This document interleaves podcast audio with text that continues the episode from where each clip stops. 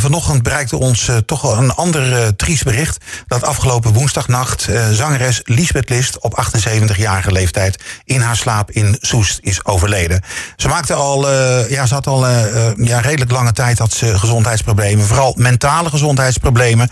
En ja, we zagen Lisbeth List al een aantal jaren niet meer op de bühne en ook niet meer in de openbaarheid. En ja, helaas is dus nu overleden. ja, toch wel een zangeres die uh, bij mij in ieder geval heel markant is. Uh, ik denk dat ik er vanaf uh, 72, 73 zo'n beetje wel ontdekt had met liedjes. Ik was toen 12, 13 jaar, maar zelfs als jonge jongen sprak het me toch altijd heel erg aan, die muziek. mijn ouders hadden natuurlijk ook singeltjes van haar.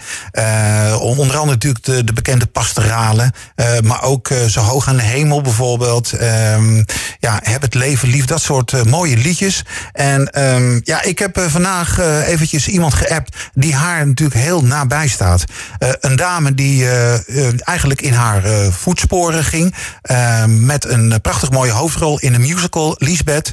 En heb ik er natuurlijk ook René van Wegberg. En ik vroeg aan René van Wegberg: ja, hoe kwam het nieuws op jou af? Ook ik was aangedaan door het nieuws vanochtend dat Lisbeth Lis niet meer onder ons is.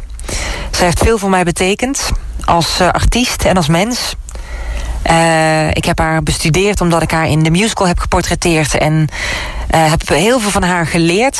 Uh, hoe zij met een bepaalde noodzaak op dat podium kon staan. Hoe zij een bepaalde tekst en muziek leven in kon blazen. Hoe zij met presence en energie een zaal kon vullen. En als mens had zij het levensmotto heb het leven lief. Zij kon uh, ten volste van het leven genieten.